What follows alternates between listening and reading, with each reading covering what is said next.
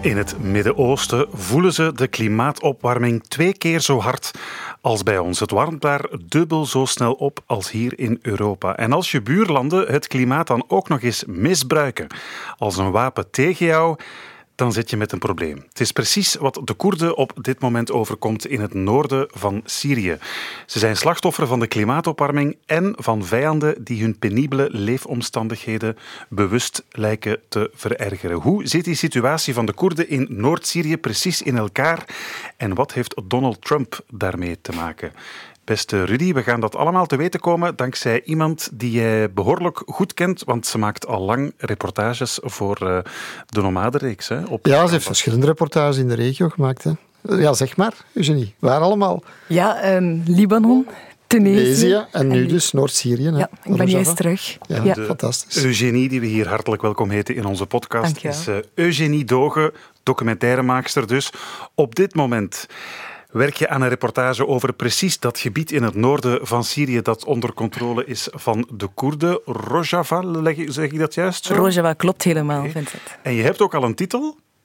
Opdrogend land. En, en het is er heel droog, geloof mij. En zeker in de zomer. Dus de... Die titel die vat het denk ik wel goed samen, want uh, ja, deze podcast wordt een verhaal van uh, verschroeiende droogte en uh, onleefbare grond. Hè. Voor we laten we zeggen, uitzoomen en de bredere context bekijken, beste Eugenie. Wat daar nog allemaal speelt in die regio, dat noorden van Syrië. Ja, dat, die regio kent wel echt een uitzonderlijke droogte op dit moment. Hè? Ja, enorm. Want je moet weten, in het noorden van Syrië Eigenlijk hebben ze daar nooit een droogseizoen gehad. De maartse buien, ik ben er ook geweest in maart, dat geldt ook voor het noorden van Syrië. Landbouw, dat zit je overal. Hè. Heuvels bezaaid. En bijvoorbeeld tarwe is het belangrijkste voedselgewas. Dus die zijn heel erg afhankelijk van de regenval. Maar nu, over de jaren heen, is ook die klimaatverandering daar enorm voelbaar, merkbaar.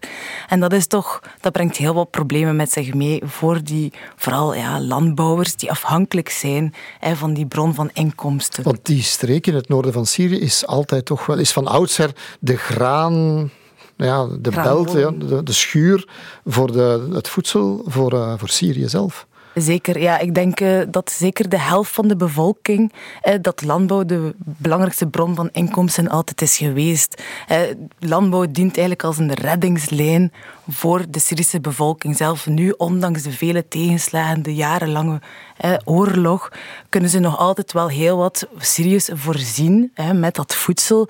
Maar ja, als er geen regenval is, dan valt die belangrijke reddingslijn ook weg. Ze noemen het wel eens de broodmand van Syrië, omdat er dus zoveel uh, tarwe geproduceerd wordt, of werd, moet ik bijna zeggen. Want heel erg droogte door minder regenval. En ik lees vooral ook een... Uh, een bijzonder laag waterniveau van die toch wel iconische rivier, de Eufraat, die ik mij nog herinner van vroeger in de geschiedenislessen. De Tigris en de Eufraat. Eufraat toch een van de levensaders van heel die regio.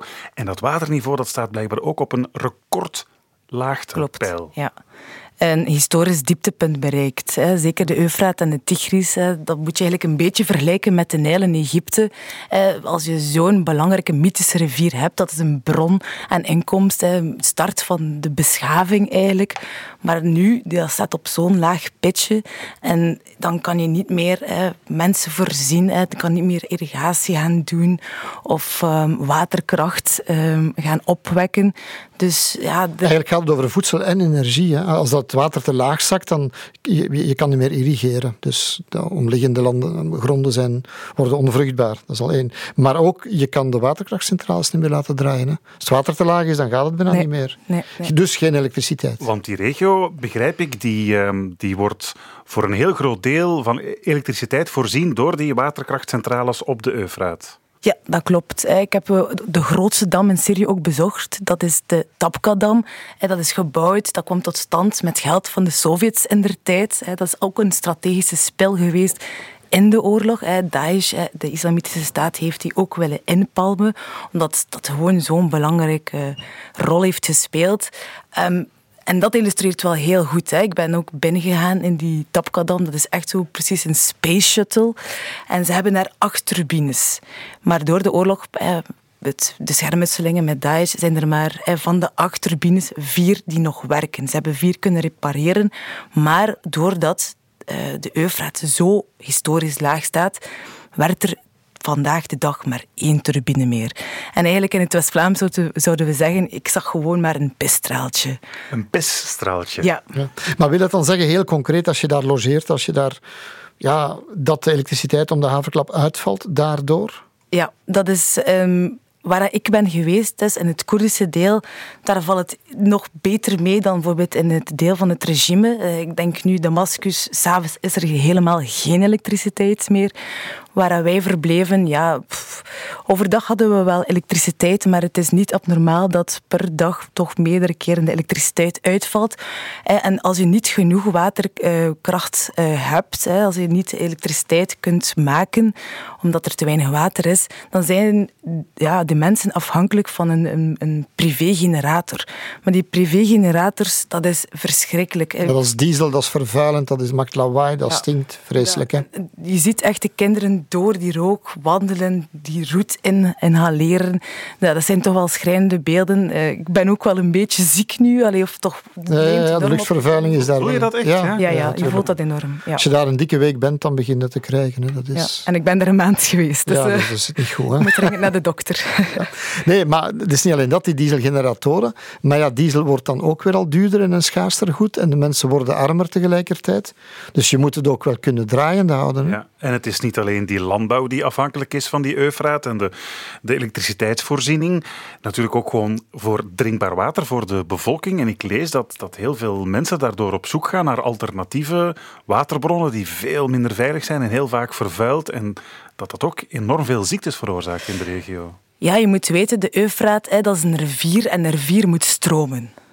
Maar als die niet genoeg stroomt, is dat een bron van ziektes. En we zijn ook naar Deresor geweest, um, ook een laatste bolwerk geweest van IS. En cholera, ja, dat heeft daar voet en wal. En daar zijn de schrijnende cijfers. Hè. En als je weet, in de zomer wordt het snik, snik heet, dan denk je aan 45, 50 graden. Ja, cholera, je zal dan, hè, die cijfers zullen exploderen. En dat is ook zo in andere delen van Syrië. Dan denk ik bijvoorbeeld in Aleppo, Aleppo het getroffen gebied. Dus ja, ramp op ramp wordt gestapeld. Hè. De ziektes, uh, parasieten ook, diarree. Um, we hebben ook een ziekenhuis bezocht. Vrouwen uh, geven vroeggeboortes. Dus de kinderen kunnen, zijn niet meer immuun um, voor al de ziektes die daar eigenlijk... Ja, enorme welig tieren eigenlijk. Hè. Maar wat gebeurt er dan? De, de mensen hebben geen geen energie. Het uh, water is er te weinig. Mensen, kinderen worden ziek. Wat doen de mensen? Trekken ze weg of, of, of wat gaan ze dan doen? Wat ik vooral heb gemerkt, is dat de, de mensen die zijn achtergebleven, is de Koerden blijven voor de Koerdische kwestie of mensen die gewoon ja, de middelen niet hebben. Want je moet weten, als je wil vluchten, hè, het is niet allemaal zo makkelijk, dan moet je al bijna 10.000 dollar hebben. Maar een, een boerin die ik heb ontmoet, die werkt daar voor 2 dollar per dag. Een brood in Syrië kost bijna 2 dollar. Door die inflatie die nu wordt ja, aangepakt door het regime.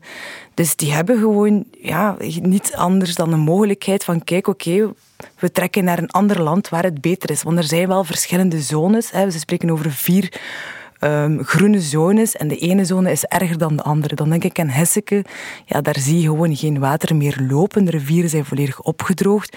Maar als je dan denkt aan Derke, Kamislo, dat is al meer dichter tegen Irak en Turkije, daar is het wel iets beter. Maar ja, die echt superdorre gebieden, ja, die lopen leeg. Dus dat is eigenlijk, dat wordt een woestenij. Ja. ja. En dan heb ik begrepen, dan merk je daar ook dat heel veel van de lokale Koerden ja, niet alleen beseffen van oké, goed, die klimaatopwarming die slaat hier extra hard toe, hè, twee keer zo hard als bij ons. Er zijn nog een aantal extra externe factoren, zeg maar, die ook inspelen op dat uh, hele probleem. Hè? Ja, het uh, complex kluwen, hè, de hm. Koerdische kwestie. Um... Ja, ja, absurd. Ja, het, ja, ja, ja. We moeten dat voorstellen. Hè. Ik bedoel, als je Koerdistan. Je, je bent waarschijnlijk binnengetrokken vanuit Noord-Irak. Ja. ja. Dat is al een Koerdische autonome zone. daar hebben de Koerdische bestuur heeft daar het voor het zeggen. Een erfenis van na Saddam, hè, Saddam Hussein in Irak. Dus je moet langs daar gaan om binnen te trekken, want via Turkije, waar ook veel Koerden wonen.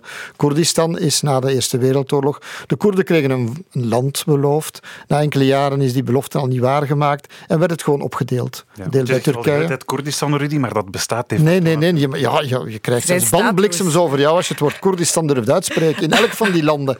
Je hebt een groot stuk in Turkije, je hebt een, stuk in, stukje in Iran, een groot stuk in Noord-Irak en een stuk en een behoorlijk stuk in Noord-Syrië.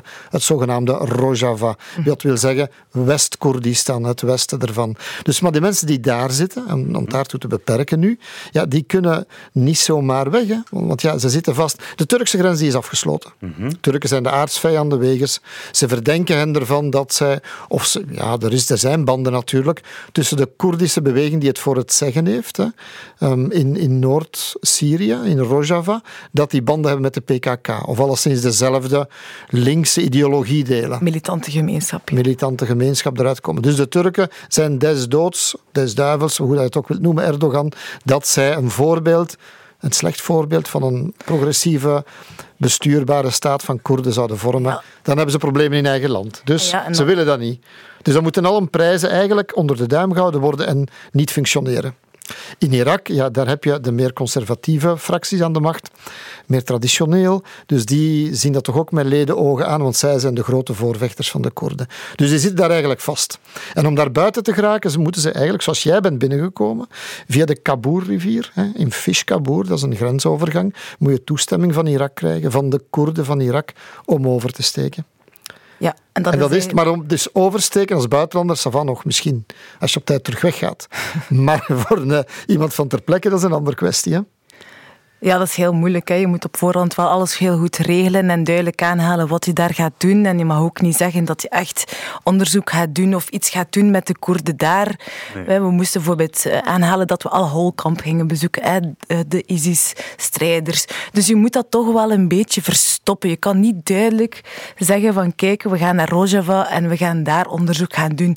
En hoe bizar het ook klinkt, hè, want het zijn ook Koerden toch blijft het toch wel een, een, ja, een heikelpunt. Je bent goed opgeleid door Rudy Frank, zoveel is duidelijk. Nee, nee, maar het is gewoon die als je daar één keer geweest bent, Vincent, dan, dan kan je niet anders dan dat aanvoelen hoe de fundamentele onrechtvaardigheid van het hele gebied, van heel het Koerdische probleem natuurlijk, en, en, en ook de, de absurditeit. Het is Kafka. Het is, het is gewoon, je gaat daar binnen en je moet je dat inbeelden. Dat is een rivier, een brede rivier. Misschien is ze nu al een beetje meer opgedroogd. Hè. De Kabour, waar vroeger bij de oorlog de mensen wegvluchten in de ene richting. Als Saddam bombardeerde in Noord-Irak, dan vluchten ze in de andere richting.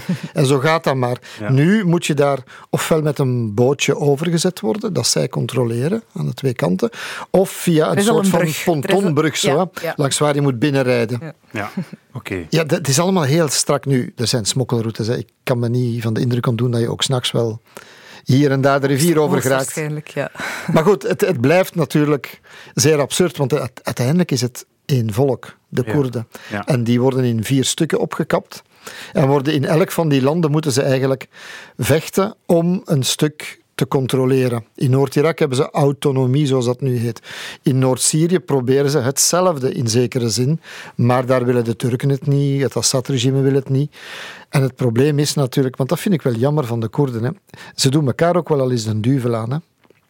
Dus de, de Koerden van, van, van Noord-Syrië worden al wel eens verraden door die van Noord-Irak, die aan hun eigen belangen denken. Hè. Enzovoort. Ja, dus maar goed, ze zitten daar dus nu vast in de droogte. En vooral, waar ik naartoe wou, Rudy, is dat dat hele geopolitieke gegeven van die Koerden die inderdaad verspreid zitten over die vier landen, maar dus specifiek die, die, die uh, Koerden in, uh, in uh, Noord-Syrië, dat die ook wel een klein beetje de, de speelbal worden van die geopolitieke krachten die daarop inspelen. Met name, beste Eugenie, heb je ook kunnen vaststellen vanuit Turkije.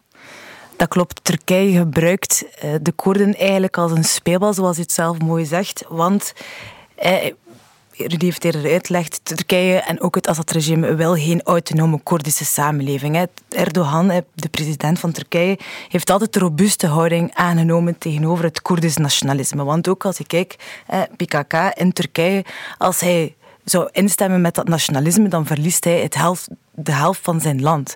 Helft van het land. En een groot deel van zijn aanhang. Want een deel van zijn politieke partij steunt op het, het arme boeren oosten van, van Turkije natuurlijk. Hè. Dus hij moet die Koerden onder de knoet en voor zich houden. Hè. Dus zo begint het verhaal eigenlijk al. Ja. En het Assad-regime wil dat ook niet. Die wil de Koerden onder de, eh, de duim houden. Die, eh, ook jarenlang, zelf voor de burgeroorlog, mochten de Koerden bijvoorbeeld niet hun taal spreken. Hè. Bijvoorbeeld in Rojava is dat de Kurmanji. Um, ze mochten niet het, Koer, het Koerdisch uh, nieuwjaarsfeest vieren. Deden ze dat toch wel, dan worden ze de boeien ingeslagen. Of worden ze te, ter dood veroordeeld of in de cel opeens verdacht ze, sterven ze. Dus dit zijn een race voorbeelden die toch wel jarenlang aanslepen. Dus vanaf dat de burgeroorlog in 2011 is losgebarsten uh, in Syrië, dan dachten de Koerden van eindelijk, dit is ons moment om uh, te strijden voor onze rechten, voor onze vrijheden. Want die assimilatie, we hebben er genoeg van. Ja, het was ook, Damascus is zwak, dus als de, als de grote baas in Damascus verzwakt is, dan kunnen wij misschien eindelijk ons eigen stukje autonomie krijgen. Net zoals de Koerden dat in Noord-Irak gedaan hebben toen Saddam Hussein verzwakt was. Exact hetzelfde scenario. Alleen natuurlijk, zolang Assad daar zit, die wil dat niet, hè? dat is duidelijk. Maar ook een doembeeld voor Erdogan natuurlijk. Hè? Die, die Koerden in Noord-Syrië die wat meer onafhankelijkheid zouden kunnen Slecht voorbeeld. eisen. En met name op die droogteproblematiek lijkt Turkije in te spelen eigenlijk. Hè? Ja, hij gebruikt water als een geopolitiek wapen om eigenlijk die Koerden volledig uit te putten. Want hij weet zelf goed genoeg hoe belangrijk die mythische rivieren zijn. Want het probleem is, die twee mythische rivieren die ontspringen in Turkije. Ah, dus, nu zijn we dus. wat doet hij? Hij gaat, dat is ook het, Turkije is het land dat het meest actieve dams bouwt in de hele wereld. Dus wat doet hij? Net op de grens gaat hij tal van dammen gaan bouwen. Dus wat kan je dan doen? Is het, de, water, de water, de sijpeling kunnen beperken. Mhm. En zo, als die dammen toegaan, dan is er geen water. Want dat loopt, die rivieren passeren Noord-Syrië en dan uiteindelijk um, Irak. Ja, dus die dam, het grote Anatolische project noemt dat eigenlijk. Hè. Ja. ja, maar dat is al tientallen jaren geleden mee begonnen om al die, die rijke watervoorraden te beheren en te controleren. Als je aan de kraan zit, het water is het nieuwe goud daar, hè, in die regio, zeker met de klimaatopwarming. En dat is goed gezien, al, al voor Erdogan, al lang geleden. Als je aan de kraan zit, dan kan je regelen. Hè. Wil, ik, wil ik Irak ter straf, dan ga ik de Tigris een beetje verder door ja. dichtdraaien. Of Syrië, de Eufraat. Ja, want ik zie dat uh, tot bijna 90% van de waterstroom van de Eufraat inderdaad uit Turkije komt. Maar uh, sinds 87 uh, zou er wel, en dat is toch al even geleden, een soort protocol zijn opgesteld waarbij Turkije 50% van het water kreeg toebedeeld. Dus op zich is het niet zo misdadig om dat te doen. Het ligt blijkbaar vast in een protocol. Ja, het moest ook zo. Want ja, van in het begin bij de bouw van die dammen is er natuurlijk internationaal conflict. Hè. Je kan je inbeelden als zowel het regime van Saddam Hussein toen in, in Irak als, als van Assad in Syrië zeiden van ja, als het zo zit, dan begint voor ons een ik zeg maar een oorlog, hè, want het is overleven van ons land en ons volk en ons voedsel. Goed, er wordt een protocol opgesteld. Hetzelfde probleem trouwens zie je met Ethiopië, Sudan en, en Egypte aan de Nijl, omdat Ethiopië grote dammen bouwt. Dus dat soort internationale problemen ontstaat daar en daar zijn protocollen over. want de wereld wil niet dat daar oorlog over gevoerd wordt. Alleen, ja, welke, welke stem hebben de Koerden in het hele verhaal als nu Erdogan dat dicht gaat draaien? Ja. En dat is al langer bezig. Hè. Naast hè, water gebruiken als een geopolitiek wapen, is er ook de Turkse invasie, de Turkse bezetting van het noorden in Syrië.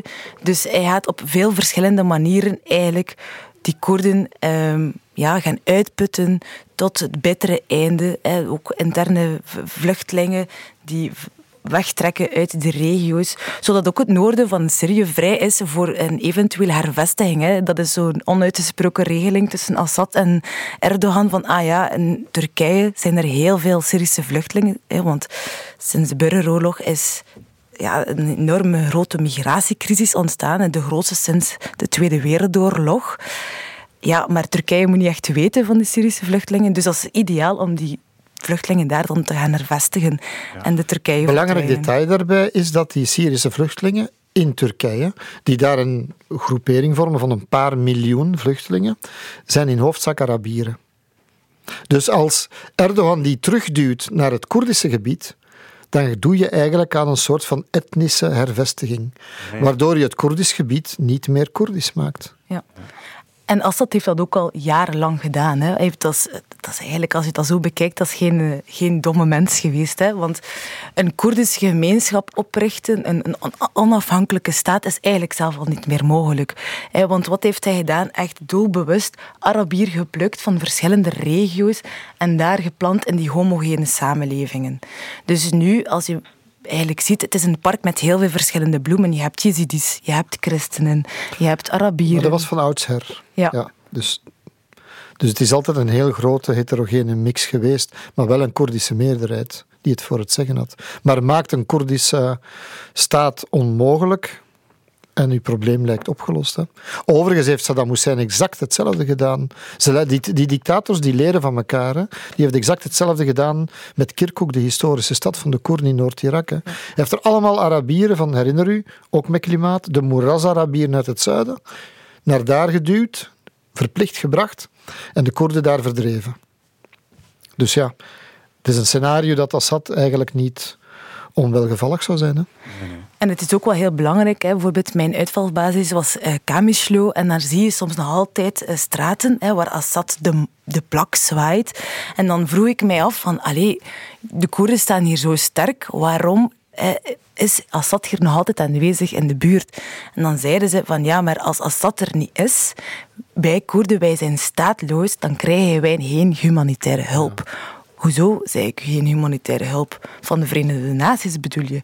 Ja, want als er geen staat is, dan kan de Verenigde Naties onmogelijk jouw hulp bieden. Dus zij worden eigenlijk zo verstoken van hulp en hebben ze Assad nodig om zo toch een levenslijn van middelen te krijgen. Dus moet je je dat inbeelden. Hè? Ik weet niet of je in hetzelfde hotel geslapen hebt in Kamishlo, daar op, op 100 meter van de kazernes van het leger van Assad. Dat is een bepaald hotelletje waar altijd passeert, uh, shabby ding. En dan, dan zit je daar en dan weet je dat bij de wegversperring op het einde van die weg, 200 meter of zo, daar zitten de tanks van Assad. Ja. En op het moment dat bijvoorbeeld in 2019 waren we daar, zat ik op het dak van dat hotel. Ja, gewoon te kijken en whatever, te kijken en te wachten en, en, en te lezen. Op een bepaald moment begint Turkije met zijn inval. In 2019 valt um, Erdogan valt zijn, stuurt zijn troepen de grens over ten noorden van Kamishli binnen. Kamishli zit en dan op hetzelfde ogenblik rollen de tanks van Assad de kazernes uit en overspoelen de hele hoofdstad. Dus eigenlijk is dat allemaal afgesproken spel om de Koerden daar onder de knoet te krijgen. En ze hebben daar geen verweer tegen. Want dan moeten ze op twee fronten gaan een oorlog beginnen. Dat is onmogelijk natuurlijk. En wat die hulp betreft, het Rode Kruis bijvoorbeeld kan maar hulp geven via Damascus. Dat is een officiële organisatie dan, het Internationaal Rode Kruis of halve maan. Dus als, zij, als Assad de grens afsluit, allee, of de Koerden helemaal op de zwarte lijst zet, het is zo een grijze lijst nu, dan uh, komt er niks meer binnen. Want ook Erdogan sluit de grens af. Mm Herinner u andere verhalen uit de geschiedenis, Biafra en zo? Wat gebeurt er met een volk als het helemaal afgesneden zou zijn? Mm Ja, belegering, hè? dat is momenteel nu ook. Uh, het, het is een beetje een schijn, het is een heel vreemde schijn. Je kan binnen, hè? je kan binnen. Je wordt zo in een soort van vage toestand toch toegelaten. Maar eigenlijk is het zo van: we houden je iemand zo half burger, zo, half, half in leven houden. Ja, want laten we het nog even hebben over die, die Turkse invloed op, dat, uh, op die regio daar in het noorden van uh, Syrië. Je verwees er al naar. Uh, Turkije is in 2019 die noordelijke regio, of die, die, die strook eigenlijk. Ze noemen dat een bufferzone, een, een veiligheidszone. Zo dat is mooi uitgedrukt. Hè? Hebben ze een soort bufferzone ja. verzekerd, veroverd. Het is maar hoe je het, hoe je het bekijkt. Ja. Uh, dat is er natuurlijk ook maar gekomen, die, uh, die inval of die invasie of dat verzekeren van die zogenaamde bufferzone, nadat een zekere, en hier hebben we hem, Donald Trump natuurlijk de Amerikaanse troepen uit die regio had teruggetrokken. En ja, dat was volgens Trump omdat ze daar eigenlijk ja, gewoon niet meer noodzakelijk waren. Well, we don't think it's going to be necessary. I don't want to leave troops there. It's very dangerous for, you know, other than that we secured the oil. It's in a little different section, but we just secured the oil. We have a good relationship with the Kurds. We never agreed to protect the Kurds for the rest of their lives. We fought with them for three and a half to four years. But we never agreed. Where is an agreement that said we have to stay in the Middle East for the rest of humanity, for the rest of, of uh, civilization, to protect the Kurds? It never said that. Ja, dat zijn de woorden van een groot strateeg. Ja, ja nee, wij, dat is waar. Wij, hebben, wij hebben toch nooit gezegd dat we de Koerden tot het einde der tijden Weet je wat zouden het beschermen, zegt hij. Ja, weet je wat het tragische is? Je hebt dus in de tijd, herinner je, we hebben er nog podcasts aan gewijd, het grote kalifaat van IS dat daar opgericht is. hè, Noord-Syrië, Noord-Irak. De Amerikanen en het Westen, ook de Belgen, hebben gebombardeerd in hoofdzaak. De Amerikanen hebben wel special forces gestuurd om mee te helpen en te organiseren. Maar de Koerden hebben gevochten. De zogenaamde de Peshmerga. De Peshmerga in Noord-Irak en dan de YPG of JPG in, eh, in, Noord, in Rojava in Noord-Syrië. Mhm. Dat waren de Koerdische strijders. Zij hebben IS huis na huis, dorp na dorp verdreven. Ze hebben de kastanjes uit het vuur gehaald. Juist. En dan zegt Trump, ja oké, het vuile werk is Ze gedaan. voelen zich verraden, hè. dat is Ja. duidelijk. Hè. Want in elk huishouden hè, dat ik daar heb kunnen bezoeken, iedereen heeft wel iemand verloren door die strijd. Hè. Scholen, die, die, eh, leerlingen van scholen, die zijn vermoord door, door Daesh-aanhangers. En dan de Koerden, de JPG, de JPG, die toch wel echt zij hebben opgeofferd om ehm, ja, die radicale terreurroep uit de weg te ruimen. En dat hebben ze ook gedaan, zij en zij met internationale coalitie. En de terugtrekking van Trump, ja, zij voelden zich enorm verraden, hè, want wie gaan ze nu nog steunen? Ja. Nu, ze hebben een, een geschiedenis van verraden, de Koerden. Eh, hun slogan is No friends but the mountains. Hè. We hebben alleen de bergen als vriend. Om ons in terug te trekken, telkens we opnieuw verraden worden. En laten we wel wezen, het hele Midden-Oosten is een geschiedenis van verraad door koloniale machten. Hè.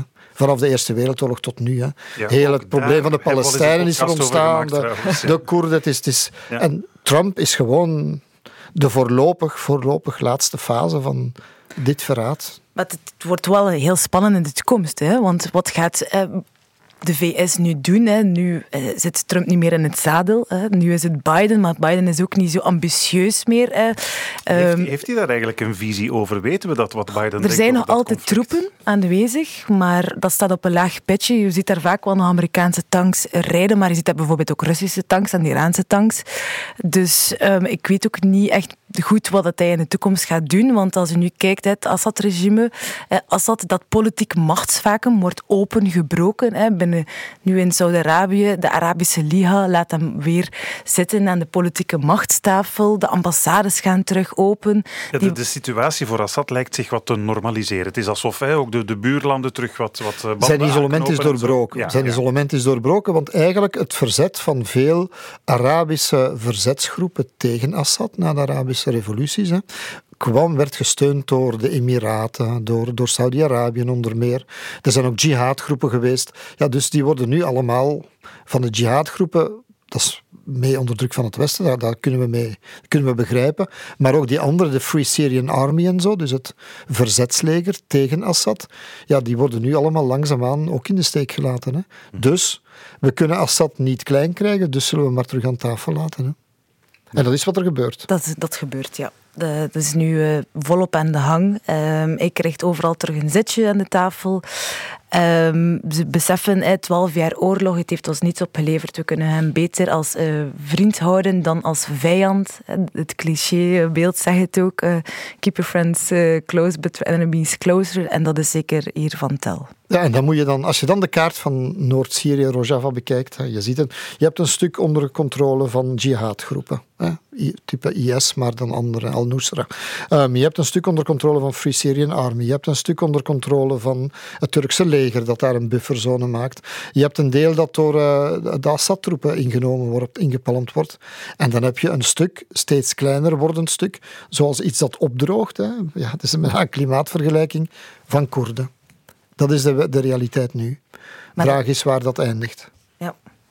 Wordt het eh, een etnische zuivering ook een beetje? Hè? Dat is ook de vraag voor de Koerden. Hè? Als er niets bijvoorbeeld van humanitaire hulp doorkomt. Maar wat is jouw ervaring daar? Wat zeggen de Koerden zelf? Willen ze dan vluchten? Gaan, trekken ze dan naar Noord-Irak? Nee, krijg je opnieuw een, een Koerdische exodus? Ze willen niet vluchten. Eh, Ze houden echt van hun land. Hè. Ze, ze, ze houden van hun gemeenschap. En eh, vluchten doe je ook niet zomaar. Hè. Alles ehm, achterlaten en al jarenlang de strijd aange, eh, aangevochten hebben met, met eh, de vijand. Die willen gewoon dat ze erkend worden.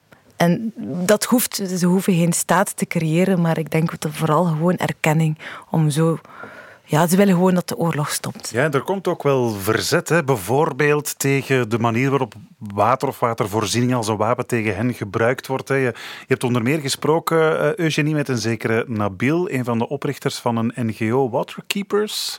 Yes. Um, strijdt al 14 jaar of zoiets, dacht ik, uh, voor een rechtvaardig rivierbeleid in de regio. En ja, hij, noemt wat Turkije nu bijvoorbeeld doet door het, uh, het draaien aan die, uh, aan die uh, waterknoppen. Hij, hij, noemt dat regelrecht crimineel. And now we dying, all the rivers not functioning anymore. 80% of our water is coming from neighbor countries. Imagine. And what they do? Internationally, they breaking laws. They all criminal. What Turkey does, what Iran does, is criminal. Is killing us. Iraqi people, Kurdish people, we suffer from this goddamn all this business, dirty businesses, building dams, stealing our waters, is criminal. Goddamn dirty business, hoor ik Nabil hier zeggen. Klinkt strijdbaar, maar ja, hoe realistisch is het dat ze, dat ze, dat ze deze strijd gaan winnen, Eugenie?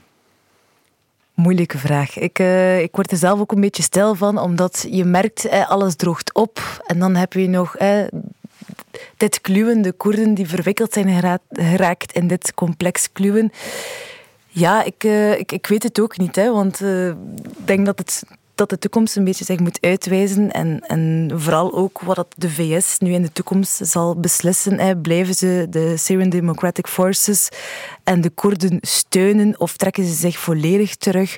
Wat gaat Turkije ook doen na de verkiezingen? Gaan ze de, de, de invasie nog meer um, gaan, hun invasie meer gaan uitbreiden. Of, Als Erdogan niet herverkozen wordt, biedt dat hen meer perspectief, denk je? Nee. Nee, nee, want dan heb je die nationalistische partijen in Turkije die tevoren ook al tegen de Koerden vochten. Nee, het lot van de Koerden, zeker in Noord-Syrië, wordt bepaald in Ankara, in Turkije, in Damascus, in Riyadh, in Washington. Maar niet, niet op het terrein. Absoluut niet. Het is jammer om te zeggen, maar, maar de macht komt daar uit de loop van een geweer. En ze hebben er minder als de rest, als, die de, als de buurlanden. En door de belangen die er spelen. En zij hebben niks om in de weegschaal te gooien. Oké, okay, Eugenie, je gaat uh, nog terug, dacht ik, uh, naar uh, Noord-Syrië? Ja, in juli ga ik opnieuw terug om ehm, ja, niet te gaan zonnen, want dan zal het 45 graden zijn. Ja, toeristische alling zal het niet worden, hè? nee, nee, helaas niet. Nee. Maar je werkt die reportage wel af en die gaan we dan te zien krijgen wanneer ergens, denk je? Volgend jaar 2024 in maart. In maart 2024, dat is nog een jaar. En het probleem zal er nog ongeveer hetzelfde uitzien, vrees ik. Ja. Heel erg bedankt, Eugenie Dogen, om naar onze podcast te komen. En uh, wij, Rudy, wij zijn er terug over... Twee weken. Dat Helemaal. Ja. Met iets heel prangend opnieuw. Hè. China, denk ik. Gaan we het over China hebben? Ik, ik denk het wel. Het wordt hoog tijd. Oké, okay. ze zijn er met veel, hè? ja, maar jij bent slim, Vincent. Ah.